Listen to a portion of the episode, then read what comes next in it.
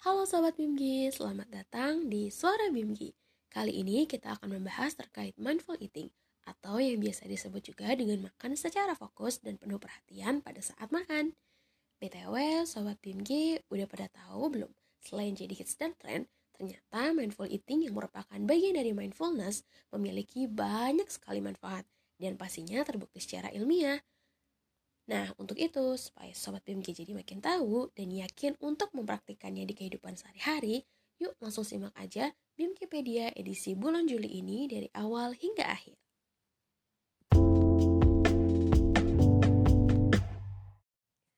Nah, Sobat BMG, mindful eating yang sering disebut juga makan dengan penuh perhatian, didasarkan pada perhatian penuh, ternyata merupakan konsep Buddhis. Mindfulness adalah bentuk meditasi yang dapat membantu seseorang dalam mengenali serta mengatasi emosi dan sensasi yang dirasakan secara fisik. Pada dasarnya, mindful eating melibatkan delapan hal.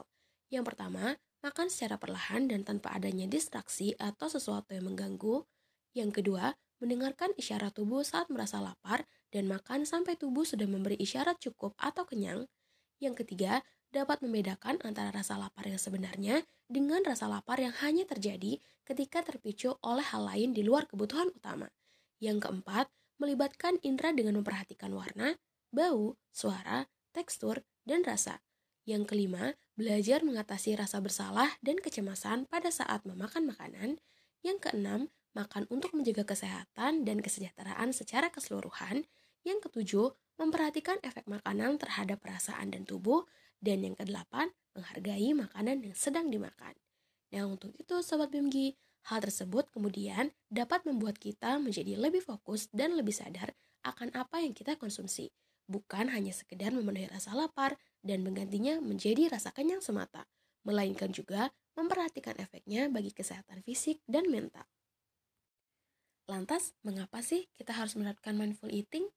Nah, Sobat BMG, di era sekarang tentunya kita sering disuguhkan berbagai macam makanan yang cenderung berbahaya bagi kesehatan. Contohnya junk food. Menerapkan mindful eating merupakan tindakan yang tepat agar kita dapat mengontrol rasa lapar secara sadar, yakni makan makanan hanya jika kita lapar dengan tujuan konsumsi agar kenyang dan menjaga kesehatan tubuh. Nah, maka dari itu Sobat BMG, mindful eating juga ternyata memiliki banyak manfaat. Yang pertama, dapat membantu menurunkan berat badan karena dapat mengubah perilaku saat makan serta mengurangi rasa stres yang berhubungan dengan naiknya nafsu makan yang kemudian dapat memicu binge eating atau makan dengan porsi berlebih secara terus-menerus.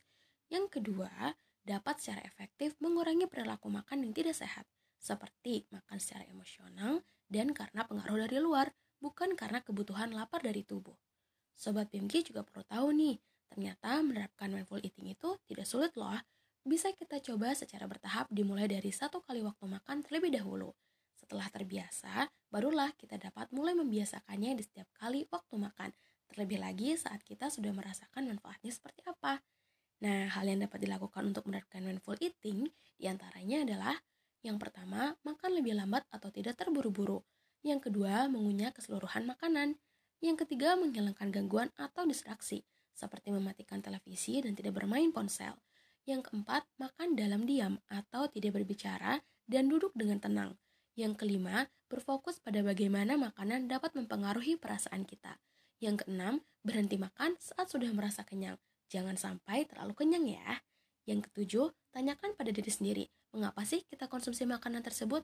Apakah karena benar-benar lapar atau karena makanan yang dikonsumsi memiliki kandungan gizi yang baik bagi kesehatan?